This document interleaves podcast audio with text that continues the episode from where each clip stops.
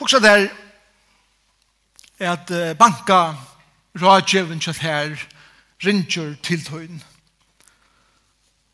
Og du teker telefonene, og, og hinn enda noen sier jeg går an det banken, og jeg vil bare ringe til tøyen og si at her at det er en særlig gavemelder kunde i banken her som hever bestemma seg at djevat her en gave. Og Og så tykker vi bare ikke kjørt det.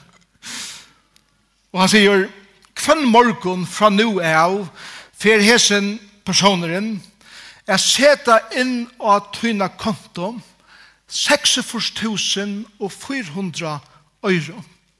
Kvann det? Det er 804 kroner om dagen. Men forresten, vi hese gavene fylgjer eit krev. Og det krever etter at du skal bruka allan penisen kvann det. Du kan ikke teka negra fra denen og arren og gøyma til iver nasta dagen. Du skal bruka det i det, og det som du ikke brukar i det, det fettler borster. Fantastisk da. 804 fyrir skjei er 6.048 kroner om vikena fernar 2,5 er 314.496 kroner om året. Om du klarar å bruka til å avsette kvann det. Så er det penger som er til tøyn og har en gava fra en konta i bankanen som han og feien vil djeva der. Her, her burde være noen ammen her som er godt her. Men til til jeg vet til vet at come on att händer omgående. Det kanskje tog jo ikke amma mer her. Kvann morgon Sætter ein som elskar til øljanekv inn av tøyna konto. Tøyar konto. 46.400 sekund. Det er 1440 minutter. 24 timer kvann det. Sjefer en vikene. 52 viker om året, år etter år. Men ser man treiten er galtande her. Du slipper bare bruka teg sekunderna i terminotten her, tanddagen, Du kanst ikkje flyta tar minuttene og tar timene inn i dagen etter. Anki eitur 26 timer om dagen, sjalt vi tar å trångt til det i kvart, halda vid. Vi slipper å bruka te mångtene av minutten, tam dagen til te døgnet og alt annet fettler bostur. Nå, ta ikkje iver en flokk som uh, hentan flokken i morgon, så tykker vi at vi kunne avsanna at det er øyelig imest hva kommer og hvordan jeg kommer inn av kontene til åkken og i bankene hva det er, eller jeg vik eller hver måned. Det er imest som vi sitter her i morgen. Men det kommer til tøyer bankene så er han ikke måneder av åkken lukka mykje hva status, lukka mykje hva for alder, lukka mykje hva for bakgrund, utbyggving, eller karriere vi hava, Her er ønske moner, moner av, vi få ødel som mångt av sekunden kvann det. At livet. Predikaren,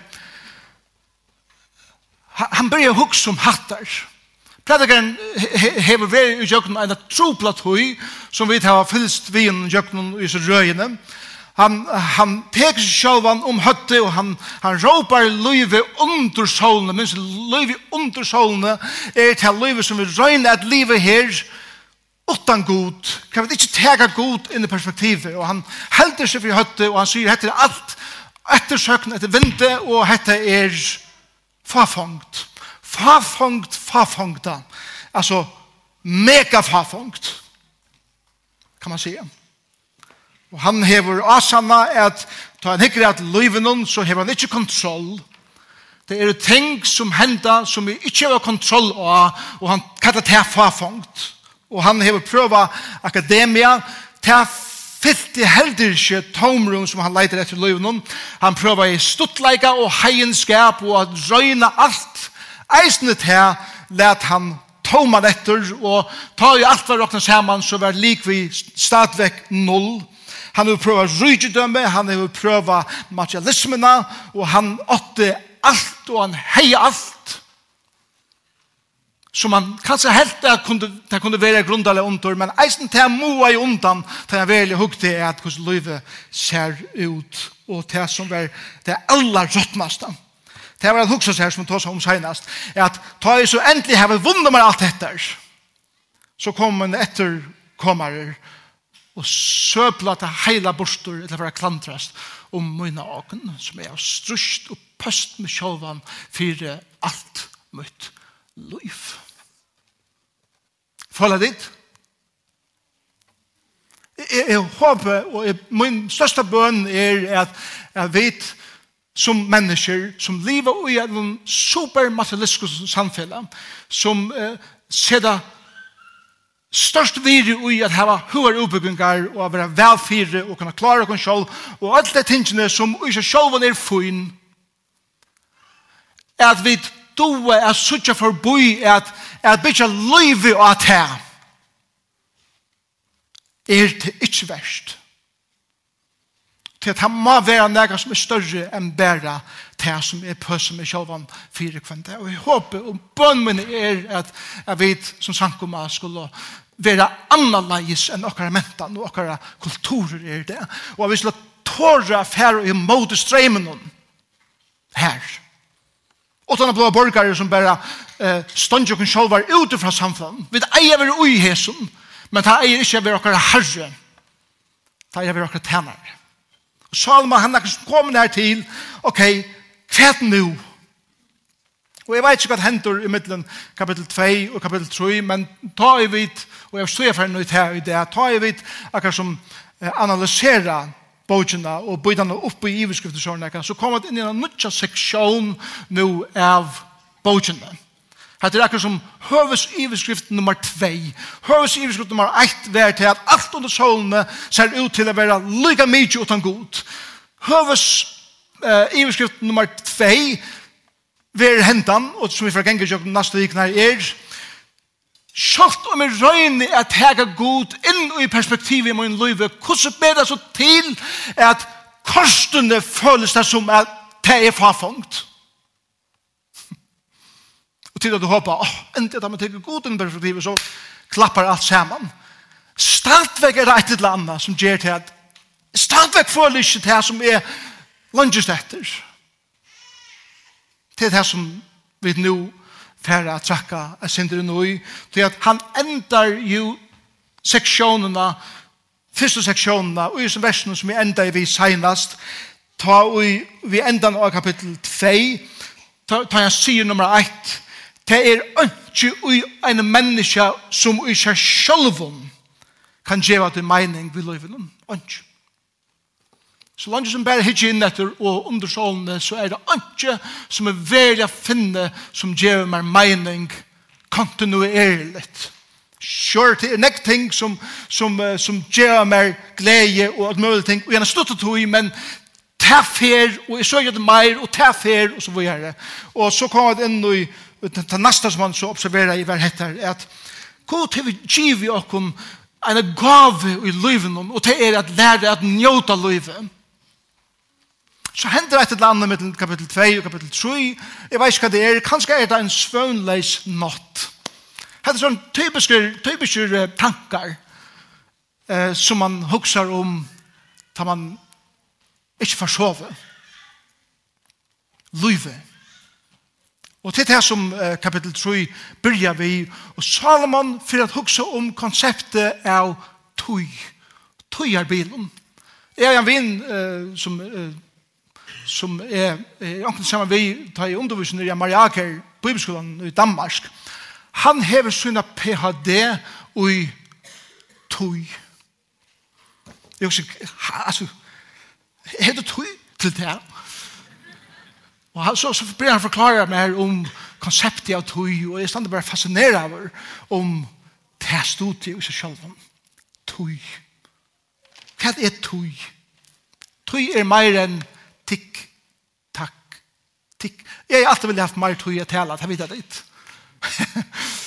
Tøy er et sånt konsept. Hever du tøyene? Hva er det klokkan? Nå får jeg vann at du ut om tøyene og i det. Hever du tøy? Teg bæra tøy. Alt teker tøy. Hva er tøyen kjøtt her og i utdrøttet? Tøy er penger. Og rett og sted og i rettare tøy. Tøy tøyen renner som streimer og ja. Time out. Og så er det hit som vi dødt elsker. Nå er eksamen i tøy. Tøy er en nega mestlet nega. Tøyen flyr av sted. Som sier, som fredret til glede, sier anker. Ja. Etla som sni eller motbrekk.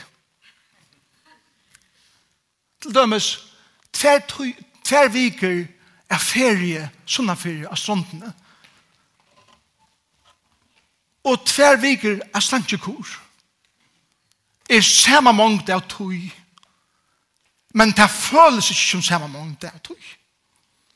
Og det er konsept at hukse om at tøy er nega underlet nega, og Salomon kommer til kapittel 3, og han ligger her og, og hukser, og han begynner ved å si alt hever stund syna.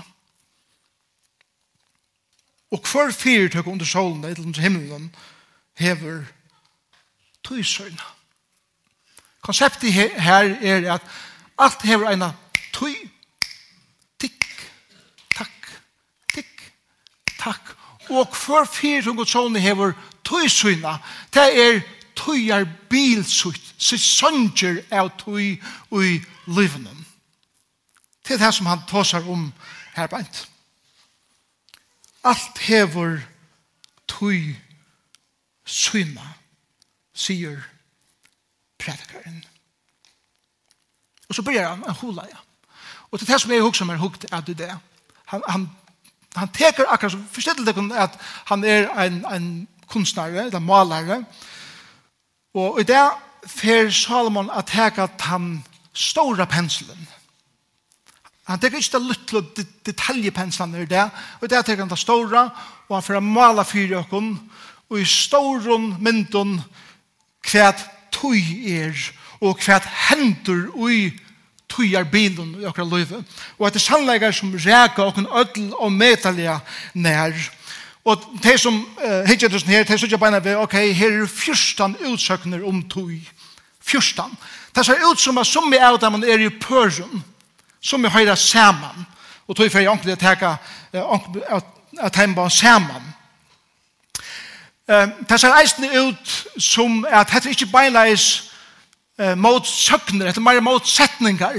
Det er ting som eksisterer i løvnen, som bæg er negativ og positiv, etter som er motor og eisne vi, men bæg må være fire at kvars kan eksistera. Og det er det som han fyrir hitje er at nu i jøknum hans neste versen. La oss lese det saman, Arne fyrir jøknum det. Predikaren, kapitel 3, og det er første åtta ørene. Alt hever stundsyna, og hver fyrtung under himle hever tøysyna. Jeg var føtter, hever tui syn. Hette er annars den kapitlen, og i Bibelen hver året tui vil oftast nevnt. Særlig i 28 versene. Og tui man kallar predikaren tui for tuiar kapitlen. Vi tar fyrir kapitlen 13 til karlak kapitlen. Hette er tuiar kapitlen. Alt er vera føtter hever tui syna, og er dodja hever tui syna, er planta hever tui syna, er driva opp til og er planta er hever tui syna at drepa hever tøysøyna, og at grua hever tøysøyna. At driva nyer hever tøysøyna, og at bytja opp hever tøysøyna. At grata hever tøysøyna, og at lea hever tøysøyna. At syrja hever tøysøyna, og at dansa hever tøysøyna. At kasta bostur steinar hever tøysøyna, og at sanka steinar hever tøysøyna. At hega i faun hever tøysøyna, og halda seg fra faun tætje hever tøysyna. At leita hever tøysyna, og at missa hever tøysyna. At gøyma hever tøysyna, og at kasta borster hever tøysynna. At skria sunder hever tøysynna, og at seima saman hever tøysynna. At tia hever tøysynna, og at tala hever tøysynna at elska hever tøy og at heta hever tøy syna. Og frier hever tøy syna, og frier hever tøy. Så gjør det store penslen. Han hikker at løyvenen tjakken, og ødle av okken som sitter her i det. Her var et eller annet at vi hæs. Og jeg husker meg og hukte at, at hæsen, hesten her pøren og hesten her eh, utsøknen i det. Og vi kan vi, vi kan lære av Salomon som han holeier fire okkom tøyene som vi lever i, tøyer bilene som vi lever i, og i hesten sekundene som vi da finner ikke hvem det er at eksisterer i. Hvis Det er føying og deie. Det styrer to ikke. Vi styrer ikke når vi er født. Og så vi gjør sjålmord, så står det heller ikke når vi vidt Dødja. Det er, jeg og to er mottakere faktisk av baven, er mottakere av livet noen, er eisne mottakere av deian. Inngångden til livet byrjar her, utgångden, hon er en ærer delt ut i landsjukhusen til nekst utligere jeg vidja føydeltene. En affære oppa sex. er sammen med onkron. Det er sørste tøymann her. Det er litt her.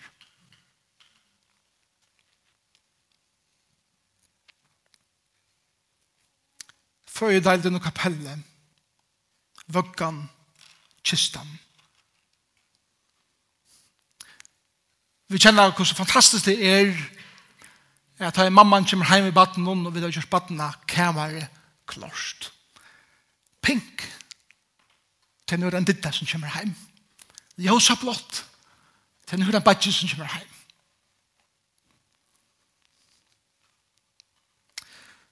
Ernest Hemingway kjenner vi det alt. Hans er stista isching, eller poem, er øyla innelitt.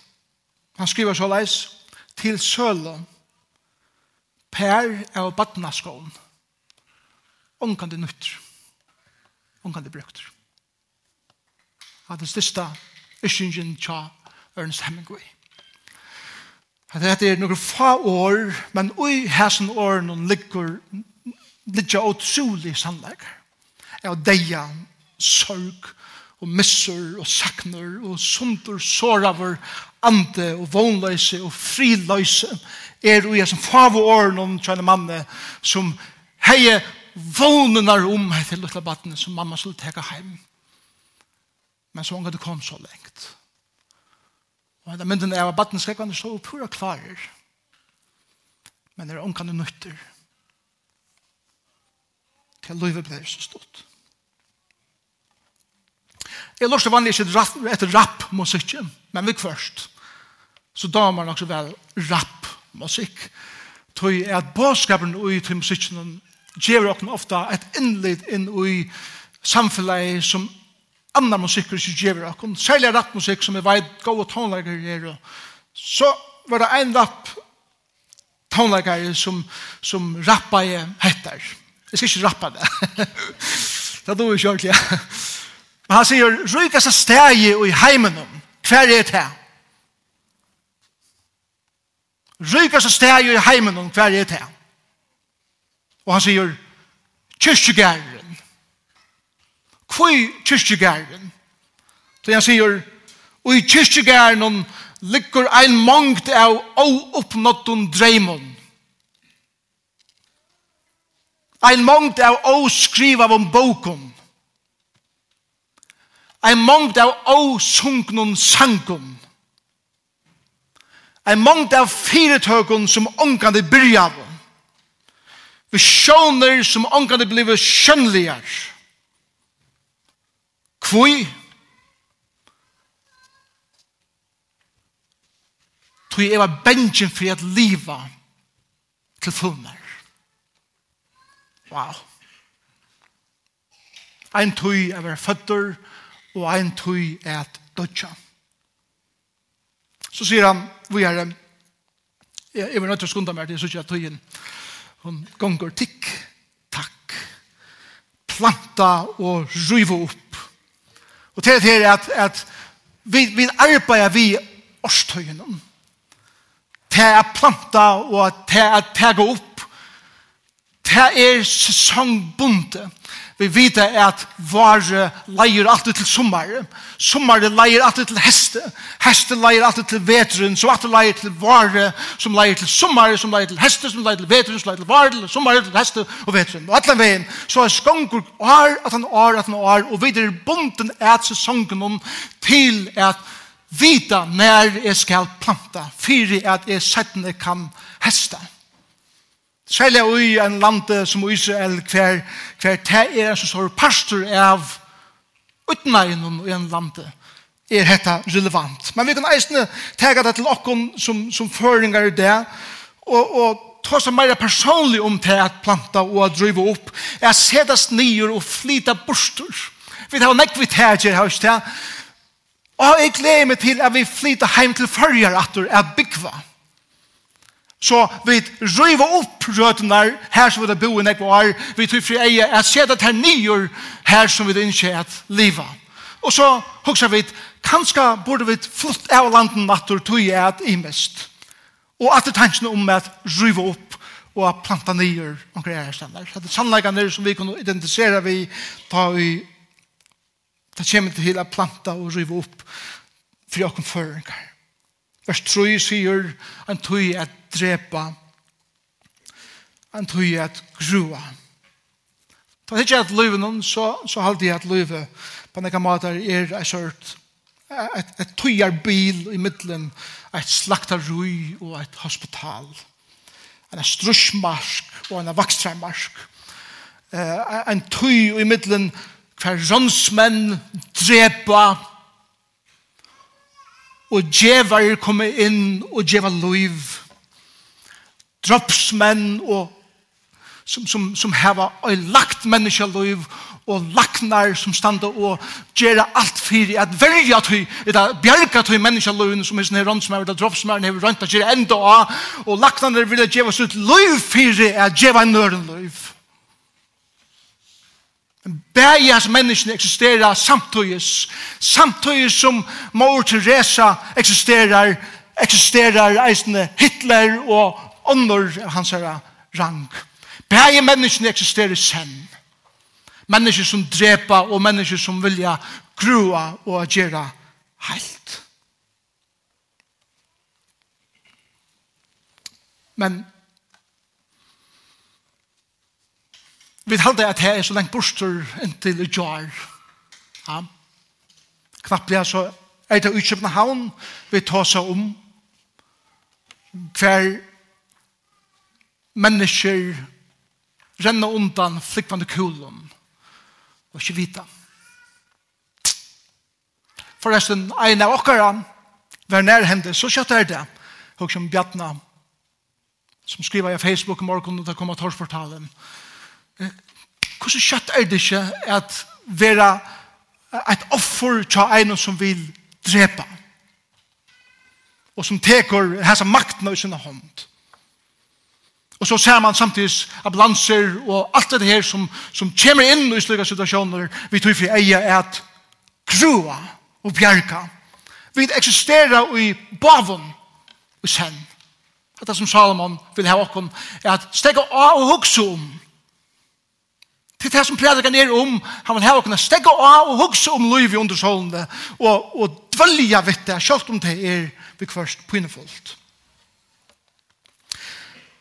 Uh, en tøy er driva nyer og en tøy er bytja opp. Her har vi bytja vinna. Mens vi tar vi bytja, så spranja vi. Vi spranja alt i luften og armen for å bytja.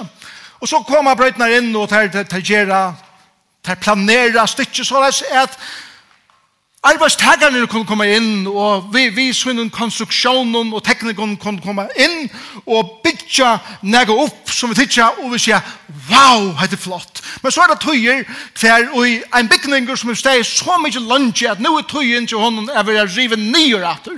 Så, så kommer spesialistene inn som passerer dynamitt og akkurat rødt punkt i bygningen og så er det at man tryster av knøtten så boom og bygningen feller inn etter stedet for ut etter Og så kommer brøytene inn og tar rudd alt bostor for jeg var plass ena for en fire eh, bytjevinnene jeg kommer inn at bytja neka opp. Ja. Vi kjenner det her vel som føringer. Men til eisende galdande for fyretøkker og familier og eisende personlige. Vi først så har vi bruk for å bråta noen minster nyer vi tog for eia, at bygge noen nudge minster opp. Vi først har vi det som einstakninger bruk for det, og familier og fyrtøkker. Vi først har vi bruk for å gjøre paradigma skifte i okkara sinne, så at vi kunne være relevant i okkara tøy, og hugsa av en hatt som gjør mun i okkara tøy. At riva nyer og at bytja opp. Jeg fortalte ikke det før, eh, når jeg kontoren som er, jeg samler på forskjellige ting, da jeg ferest. Jeg har pettet av Berlinmuren, som jeg tok, og i ruinen av Berlinmuren, bare da jeg var fattelen. Bare for å minne meg av at det er murer som er bygd opp, og det er murer som er brottene nyer. Det er murer i løyvene som er bygd opp, og det er murer i løyvene som eisende skulle være brottene nyer. I vers 4, hetta suttje som er per, ein tui er grata og ein tui er lia, ein tui er sinja og ein tui er uh, skal man si at her er samkommet? Dansa. Yes. I min arbeid møter jeg nekve hans her. For jeg opplever kontrasten da jeg er i tja familien, så ikke djupa sorg og, og og trolig en grad til flenne kujtje og gledest om det dansa. Eisne. Jeg gleder meg omgå døy en av mine gode venninten nere i havn. Hun skulle giftast. Og dæveren kom og at gledde seg og tann døye, tann døyen døye papjønner. Hva kjørst du? Hva Hva kjærs du? Det er bare eit å gjøre. Og det er på en eller annen hatt at lære det å gråte og flenne og kjenn. Og å syrja og danse og kjenn. På en eller annen hatt. Jeg Gråta om at papi ikke er der, samtidig er flenne om hvordan stått det er vært, tar vi gjør det hit, eller gjør det hatt der.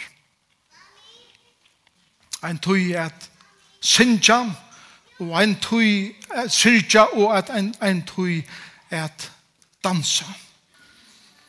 Og han er så stuttelig som har syrja mentaner som har finnje dans ratt i halsen. Jeg hadde ikke vidt føringar her finnje til ham. Jeg vil sette dans i samband med så øyne andre ting. Men kan vi sørge dans som en naturlig en parst av tøy at liva. Ta jeg vet sikla av Gnesersvattnet. Så var det en, en utländsk ferieleier som var ved åkken. hun halde åkken alt opp av dansk og utsländsk dans. Jeg var, jeg sender tunker i spåren om, men jeg kom opp til en dan, og om hun halde med eisene, hun er sånn lattere av tog enn jeg, Og så knappt så ikke så sier føringene begynner å reise seg, og så kommer der ui, og det er ikke så kvei akt og fest, men så kommer man forbi til, og så knappt jeg så sveimer man bare. Kvoi, tøy at te er nega uttøy som god til vi giv okkon at uttrykja en glede som er herinne ui, at få en ut i som god til vi skapt okkon som er en pastor av skapande versen. Vi er ikke bæra ante, vi er likham eisen. Ja? Jeg, jeg vet vel alt hit sammanheng vid hetta og hitt og så videre. Og det er ikke andre viktig å ta oss om det, men grunnleggjande har god giv i åkken til. Jeg kastet bort steinar, vers 5, og jeg sanka steinar. Det var ondallet. Hvor er samme på steinar? Hvor plega bort steinar? Jeg gjør det til at jeg er ferest, og så har jeg en stein fra Jericho, heter Hatsuk Jesus, nærmere hentan til å være, og så videre, veist alt det. Men hette mynda tala. Hebraiske uh, serfrøyngar sier til at det tåsar om kinsløyv og sexløyv. Ein tøy at heva sex, ein tøy at vera frahaldande fra det kinslige. Det er det som han sier i sin her. Kinsløyv og lister heva eisne synar sesonger, sier ein høvendur. Det kvars koma sesonger ta i løyve, ta tais kinslivet er frahalt. Kinslivet er ikke bare få lister okkar oppfylltar, så jeg tar er gypre ui en forhold i middel mann og kvinne. Det er tøyer, ta se da møynar lister til suyes, så jeg forhold til at matchen er meira tøtninga mittel. Men det var avhåverst. Så sexløyve innenfor tjonabandet er ikke bare gjerne det. Vi først er en par av sexløyve når jeg sier nå har vi frahald til at det er imisk ting i løyven tjokken som er viktigere. Bare nu, Det er så viktig i en sex saturera av en kultur som okkara at tåra at hugsa så leis. Eisne. Frahald. Frahald det henger sammen vi at omfevne og køyre fra seg forhold til en tog at affirmera til en tog at konfrontera. Til en tog at tega om og til en tog at sige hertil og inte langer det er en tøy at tåre at spekla sannleikan opp fri egnom og sige at vi kunne ikke hava forhold så langt som du oppfører så leis og til en tøy at omfevne og sige jeg vil gjerne hava et forhold ved det Leita og missa vers 6, vers 6 er en tøy at leita og en tøy at missa. Og vi vet ikke hva som sier til det er ta og en personer er bortblivende fjøtlen eller av sjånen og bjergjengar liv her ut at leita og det blir myrst og vekker blir trupult og så har man leitingen er stekka fyrir det. Ja det, ta minkar om vånen när jeg finner vi kommande. Leidingen er stekka. Og vi først, så må man si, jeg at vi, vi, vi kunne ikke leida mer. Vi kommande er bort. Men det er ikke anna vi kunne leide etter og misse etter. Helen Keller, som er en fantastisk iskjæren, hun har spurt, hva kan være verre enn å være født blind? Hun svarer så leis, Det som er verre enn å være født blind er at vi er født over fotlen egenleikon, men det har mist livsvisjonene ur egen. Jeg sutja og korsene er være blinder. Ja, så gjerne 17 helt av vers 6 er gøym og kasta borster. Her er nek som råper amen og så loft, garasjan Endelig kan jeg bruke bøyblene som prekv på at avrådet at her i garasjen skal ut. Etla at her som du ikke vil køre borsten som ender på Åsloft skal ut nå.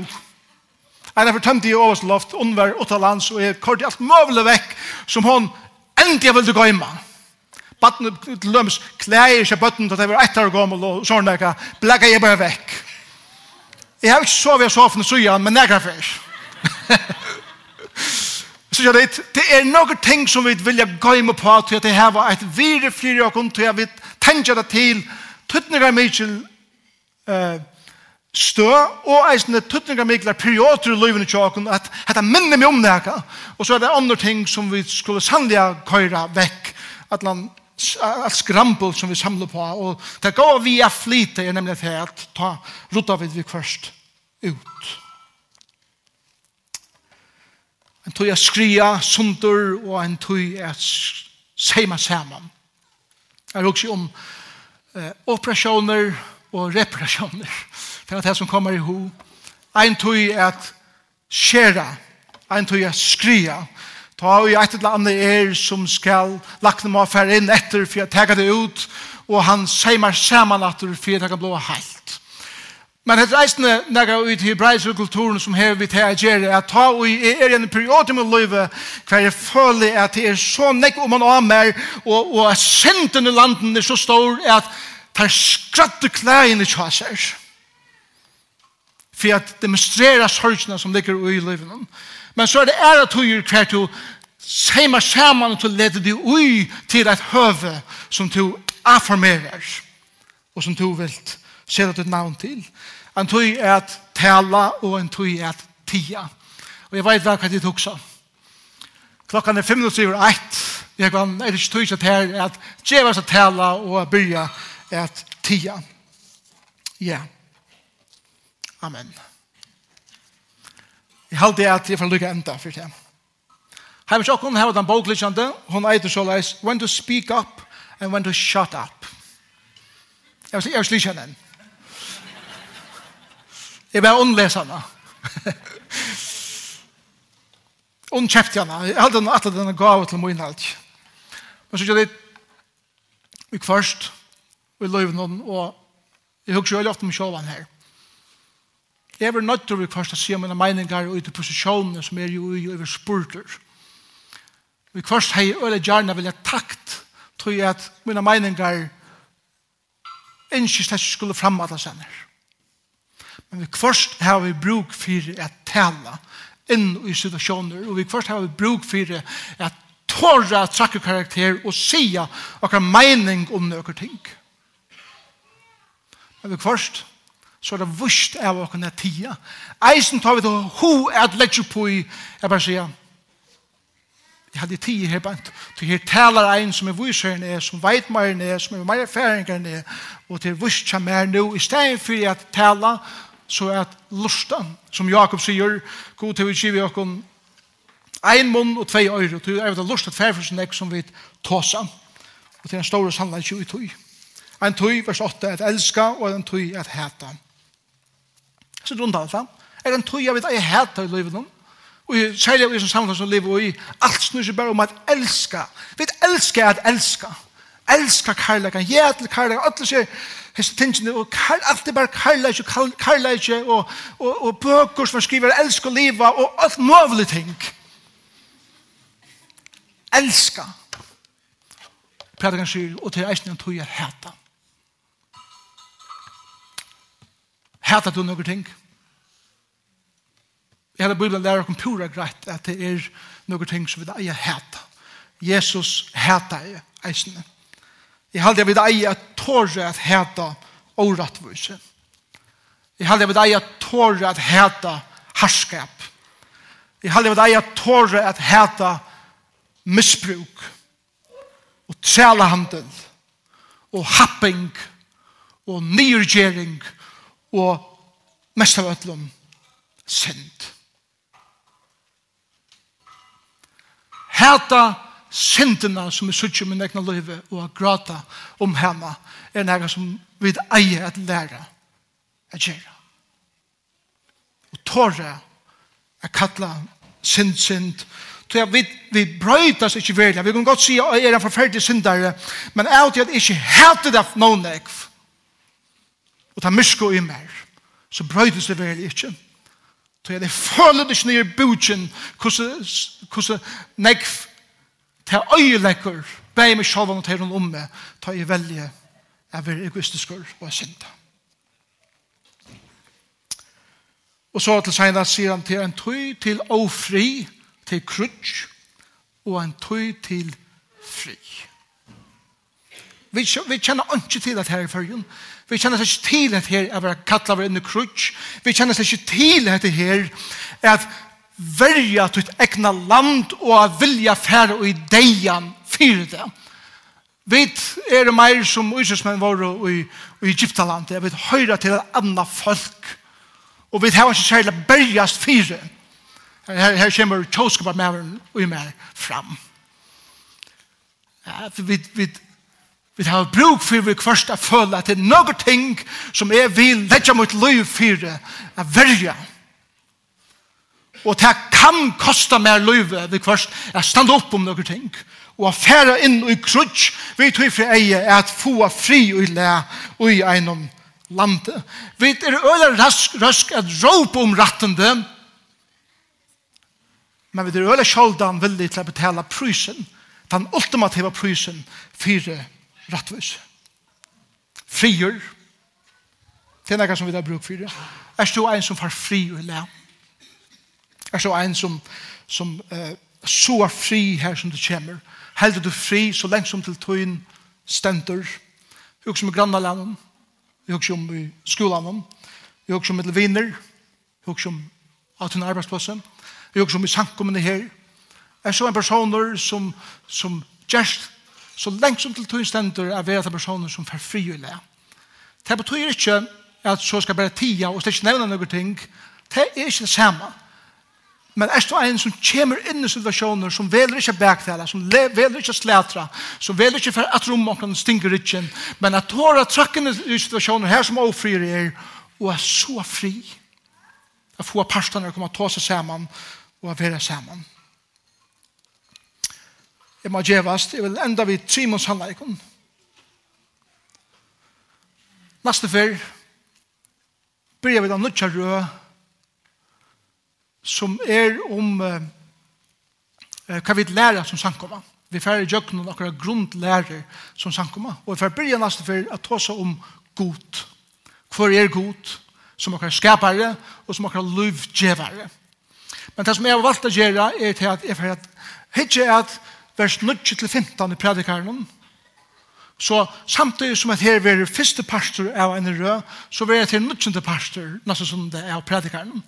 Så at ta og han hever holet om dette, så kommer det inn i en, en luke atter, som vi har forklaret det, og for å gjøre en så fantastisk oppenbering om hver og god det er. Så derfor bør vi til neste søndag. Og det vil jeg enda vise her. Ta og vi tåsa om tøy, så er tøyen jant bort til åkken ødel. Kvann morgen først tøy og fei er 46.000 og 400 sekund flotta inn av mine tøyarkonto. Og det som jeg ikke bruker til fullnar i det, kan jeg ikke føre iver til dagen og i mørken. Nummer 2. Tøyen er bort opp i sekvenser, eller i tøyarbil og i akkurat løyve. Og vi da finner en, en mynd av hvordan tar sekvensene, eller tøyarbilene, sitter ut. Og spurning som er, spyrir er, hva lærer tøyar bile, eller sekvensen av tøy som tøy er støybætt nå, hva lærer han til? Og hva er ambo gjør han til til å fære enn den neste tøyar sekvens i tøyneløyve? Vi all kunne lære nækka av tøy som vi er ui nå. Vil du lære av tog støver som du er så utbeint nå? Og ikke bare glede å komme videre. Hva kan du tenke vi? Av tog svare og eisen til glede som du er så utbeint nå. Og nummer tre. Tøyen vi er færre. Trykk vi er. Jeg tykker vi vel at Jesus kommer at kjøtt. Paulus tror det var sin løst tøy. Jeg tykker jeg ikke det var min løst tøy. Hva tykker vi er? til sannleidje fyrir løyve at tøyen fyr. Ein sier det så det beste maten at bruke tøyen på er å bruke henne på neka som du veist for å liva langer enn tøyen. Er det vi? Til å investere i ting som liva langer enn det som er materialistisk i hesten heime og i det. Og investere i det evige. Galaterbrev 4 sier så leis, men ta ui fytling tøyarinnar kom. Sende god sånn sånn, føttan av kvinna, føttan under lovene, fyrir at han skulle kjeipa til leis som under loven er. Vi kunne eisen sagt, Tei som under solen er. Så vi kunne få sånne retten.